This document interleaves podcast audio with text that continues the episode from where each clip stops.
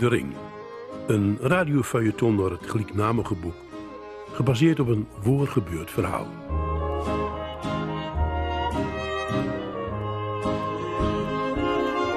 Geschreven en voorgelezen door Jan Spolling. En in deze podcast hoofdstuk 4, Alain Wieder...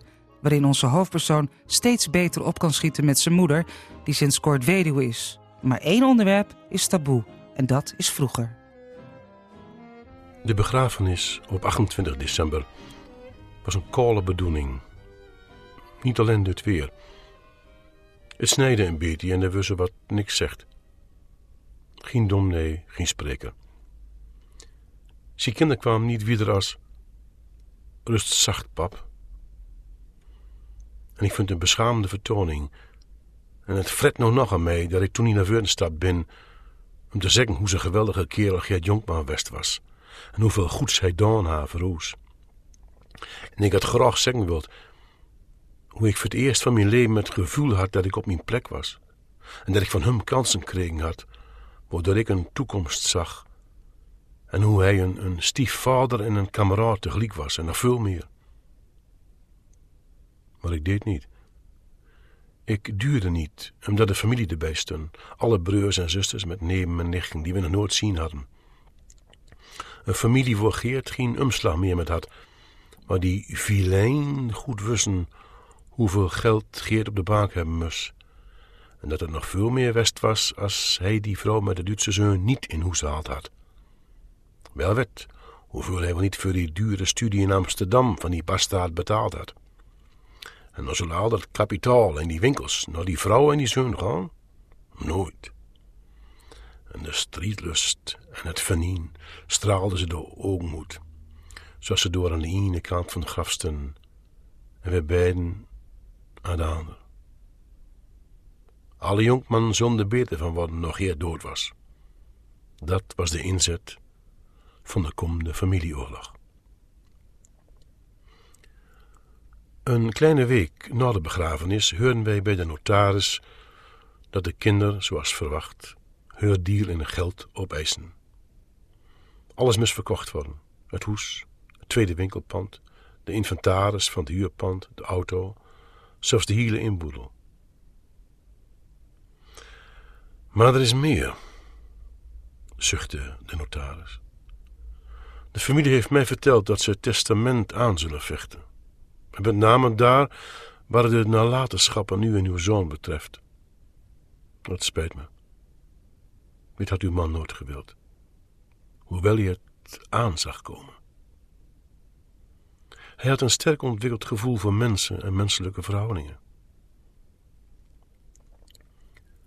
Mijn moeder nam het bewonderenswaardig kalm op. Ik denk dat ze er overal eens praat had met Geert. Ze ging staan, gaf de notaris een hand en zei: Ik weet wat mij te doen stiet. Bedankt. Ze pakte de deur. Binnen twee dagen had ze de huur van het winkelpand in het centrum op haar eigen naam zetten laten. En boven de winkel was een klein appartement dat net op dat moment leeg kwam. Dat huurde ze erbij en tien dagen later woonde ze door met haar weinige eigen spulletjes. Alles, maar dan ook alles wat ze samen met Geert had, leut ze staan in het grote hoes. Al in de foto's ging met. Laat ze gelukkig wezen met haar geld, zei ze. En toen fel. Denk je dat ik mij nog ooit in mijn leven weer koeieneerden laat? Nooit een keer. En ik zal nog niet één cent vragen van wat mij toekomt. Het mooie grote hoes waar we zulke gelukkige, tevreden jaren in beleefd hadden, stond nog leeg. De verkoop loopt niet, omdat de kinderen niet eens worden kunnen over de verkoopprijs. Ze wilden een idioot hoog bedrag waarover elke makelaar de kop schudde. Laat mijn posie staan hoor, er is uh, genoeg woningnood, er zal vanzelf wel een uh, voorkomen, zei Bert. En daarbij, uh, de tweede winkel is wel verkocht, dus we kunnen het wel even uitzingen met elkaar. Toen ik door een jaar later nog eens langskwam, stond hoes nog leeg hadden er twee ramen ingegooid en de mooie antieke kassen die voor de familie te groot waren, stonden krom van vocht in de vuurkamer. Het leek of het verleden mij toegrijnsde. Mijn moeder had haar winkel en modeatelier deurzet en de klantenkring gruide en gruide. Ze werkte wel 80, 90 uur in de week met een grote verbetenheid en inzet. Ze maakte zelf alle ontwerpen voor het modespul en had nog een jong wichtie de hem voor de murgs in de winkel. Dan zat zij te naaien van 6 tot 12. Daarna deed ze de winkel zelf, want dan kwamen de betere klanten. Ze kwam er nooit uit. Privé had ze geen omslag met andere mensen. En als ik eens in de 14 dagen uit Amsterdam bij op bezoek kwam, zat ze altijd achter een naaimachine, of ze was gangs met patroon, tieken of stafknippen. Ze trok zich weer terug, zoals ze dat vroeger in het dorp ook deed. Fot van de boetenwereld, fot van mogelijke nieuwe aanslagen op haar zielsleven. Het was niet dat ze verbitterd raakte of zo, nee. Het leek meer een besluit van, uh, zo, en nou is het genoeg west. Wat er voor mij aan geluk en voorraad was, is blijkbaar op. Ik zal het zelf weer waarin. Zoiets moet het best wezen. Het contact met haar klanten bleef goed. En daar had ze genoeg aan. En ook aan mijn 14-daagse bezoekjes. Toen keek ze naar uit. Op zaterdagmiddag tegen 12 uur kwam ik meestal. En als ik er dan was, dan deed ze de winkeldeur op slot en dan zaten wij samen met dan preut met elkaar bij. En daarna opende zij de winkel nog, van 1 tot 4, en gingen wij daarna met ons beiden op stap in een Volkswagen. De enige luxe die zij zich toesten. En ze hadden altijd een doel. Musea, tentoonstellings, modeshows, bijzondere gebouwen. Alles kon ons interesseren. Mijn moeder had ook oog voor architectuur. Voor schoonheid en kunst in het algemeen, wel. En die paar uur leefden ze dan helemaal op. En we maakten plezier en we lachten veel. In het voorjaar van 1967 gruide er tussen ons een contact, zoals dat er voor Noordwest was. In mijn jeugd van opa en opa de opvoeders. Er was ze eigenlijk niet meer dan vierde lid van het gezin. En toen de situatie weer anders werd, maakte ze een nieuwe stad met Geert Jonkman. We waren toen zo druk met alle nieuwe ontwikkeling dat het contact oppervlakkiger bleef dan we misschien wel wilden, beide. En nou, in deze situatie, waarbij wij allebei onze eigen weg min of meer, nou werd het contact hechter. Het gekke was dat het geen echt moeder-zoon contact was. Nee, nee, ze was meer een soort hartsvriendin aan het worden, waarbij ik alles kwijt kon. Omgekeerd was het wat minder, vooral in persoonlijke zaken. Toen ik na een gezellige middag iets aan vreug hoe haar leven was en hoe ze dat beleefd had in dorp vroeger. Toen ging ze niet wat rechterop zitten en zei: Dat is West, Johan. Laten we het er niet meer over hebben. We leven nou, we hebben koor en we moeten beiden weer. Laat ons door maar op richten. En ze klinken iets anders. Gereserveerd, gewond, haast. Ook later toen ik eens een keer voorzichtig begon over mijn vader, toen was ze er niks van weten. Het was zelfs zo dat ze zei: Johan, daar wil ik het liever niet over hebben. Dat is allemaal west. En het is lopen, zoals het lopen heeft. En hij erover allemaal deurvragen wilt, dan heb ik liever dat hij met rust laat en niet meer komt. Bij die paar pogingen meer over mezelf en mijn verleden te weten te komen, heb ik het laten. En we bleven ons richten op de 14-daagse oestappies. Dan was mijn moeder een vrolijke, ondernemende, oudere vriendin. Ik woonde toen op een kleine kamer met Waan van Hartboord in een soort studentenhoes in Amsterdam. Veel ruimte had ik niet en uh, het was erg geheurig. Er was plek voor één klein bureaugie, een eenpersoonsbed en een leunstoel. En naast de vaste kast zat de wastafel met koolstromend water. Dat was alles. Maar mijn weinige luxe deerde me niet. Het viel me nauwelijks op. Ik had mij op mijn studie architectuur gegooid en binnen die sfeer leefde ik. En het leek in die jaren nog net alsof de hele wereld opnieuw opbouwd worden moest. Overal verrezen projecten, overal gebeurde wel wat. En daarbinnen leek Amsterdam het middelpunt van de wereld. En ik was een creatieve, hardwerkende, gedreven student die goede contacten had met mijn docenten. En meestal deed ik meer dan nodig was om mijn tentamens te halen. En op al mijn stageplekken vroegen ze mij of ik later niet bij hun wil komen werken. Nee, het ging mij goed in dat opzicht. En ik voelde me ook in mijn toekomstige vak als een vis in het water. In september 1967 belde mijn moeder mij op een middag in de universiteit op om te zeggen dat Opo plotseling overleden was. Ze had zich wat minder goed voelde de laatste weken. Een beetje doezelig en zweverig soms, maar ja, ach, dat had ze toch wel vaker. Er was geen reden tot ongerustheid. En ze die middag om half vier net een opa vraagt of hij nog een kopje thee wil, toen ze in mijn koers zakte. Ze was al overleden voordat de dokter er was. Hersenbloeding. Zie die. Mijn moeder sleurde de winkel en ging naar opa.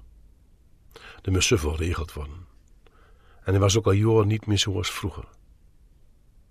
En na de begrafenis van opa bleef ze bij de vader. Want als enige dochter had zij de plicht om voor hem te zorgen, totdat hij een plek in het nieuwe krijgen zou. Opa wilde dat eigenlijk niet. Hij hechtte aan zijn vrijheid, aan zijn eigen plek, aan zijn eigen huis.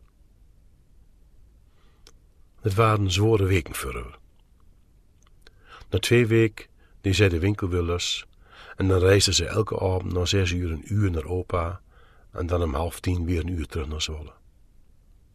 En ze ging twee maanden lang, avond aan avond. En zondags ging ze de hele dag. En toen op een zondagmorgen in november lag opa naast bedden. Met opstaan was hij niet goed worden. Zijn hart dat al vaker een opdonder metmaakt had was opholden. Net die week was de bericht kom van het bejaardenhuis dat er begin december een kamer vrij was voor hem. De begrafenis van opa was indrukwekkend. Meer dan 200 mensen door de dorp achter de liekwagen. En in de kerk bij de dienst sprak na de dominee Albert Enting. Hij had het over dingen over de jeugd. Hij vertelde van een ondernemende, loze kerel die mijn opa was. Hij duurde alles aan, zei Albert. Toen hij de boerderij overnam van zijn vader, had hij het al over schaalvergroting. Moet je nagaan, jongens, dat was in de dertiger jaren. Bernd Schulting was een leider van dorp die wars was van politiek. Hij was een boer die metging met alle nieuwe dingen en ging hem goed af. Hij was alles van veefokken. Hij kon aan één oogopslag zien of een peer deugde of niet. Hij wil iedereen helpen. En iedereen in het dorp die het wat tegen zat. Man of vrouw, gereformeerd of hervormd, katholiek of heiden. Hij had voor iedereen wat over. Ja, ook geld. Geld dat hij vaak niet eens voor hem kreeg. En dat deed hem niks. Als mensen me niet voor hem betaalt, dan zult ze er wel een goede reden voor hebben. Zie je dan. En door met was het over. En hij was het die zorgde dat wij een school kregen. Dat er een nieuw groene kruisgebouw kwam. Dat de voetballers een goed kleedlokaal hadden. Dat de boerenleenbank in een goed gebouw kwam en ach, nog veel meer. Bernd Schulting die alleen nog meer voor de gemeenschap als tien anderen met mekaar. En hier wachtte Albert Nettingham. En toen kwam de oorlog. Een oorlog waar een stuk of wat mensen geen beste rol in gespeeld hebben. En ook toen kon iedereen met Berend schulden terecht. Mensen naar de buurt, eten halen uit wessen, zelfs vier onderdukers. En voor dit alles zal hij de boom afrekend worden. En als er een systeem van reden bestaat in de hemel, dan komt hij op de eerste. Daar ben ik heilig van overtuigd. En wij, mensen door het dorp, hebt ook met hem afrekend. Al eerder, in 1944, toen zijn kleinzoon geboren werd. De zoon van zijn dochter Lisbeth, het liefste, vrolijkste en zachtste wichie wat ik ooit kend heb. De zoon van Lisbeth en Duitse soldaat, een man waar ze echt stapelgek op was.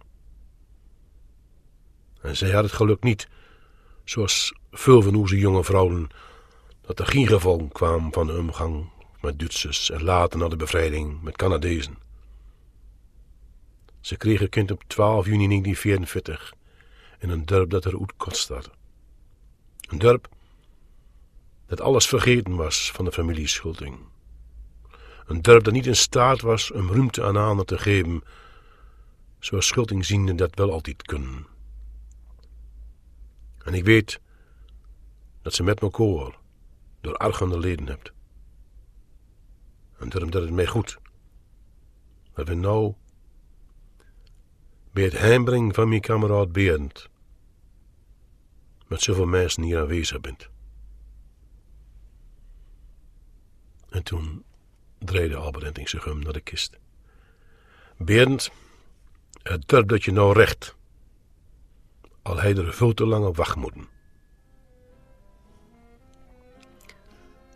Later hoorde ik dat Albert Enting als een soort van leedaanzegger iedereen belangswest was.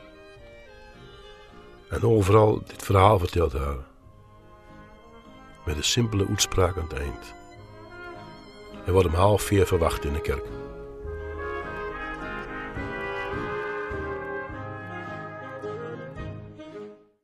Je luisterde naar een podcast van Drenthe Toen. Luister ook eens naar onze andere podcasts. Kun je downloaden via een speciale podcast-app of via onze website rtvdrenthe.nl. En laat eens een beoordeling achter. Vinden we leuk.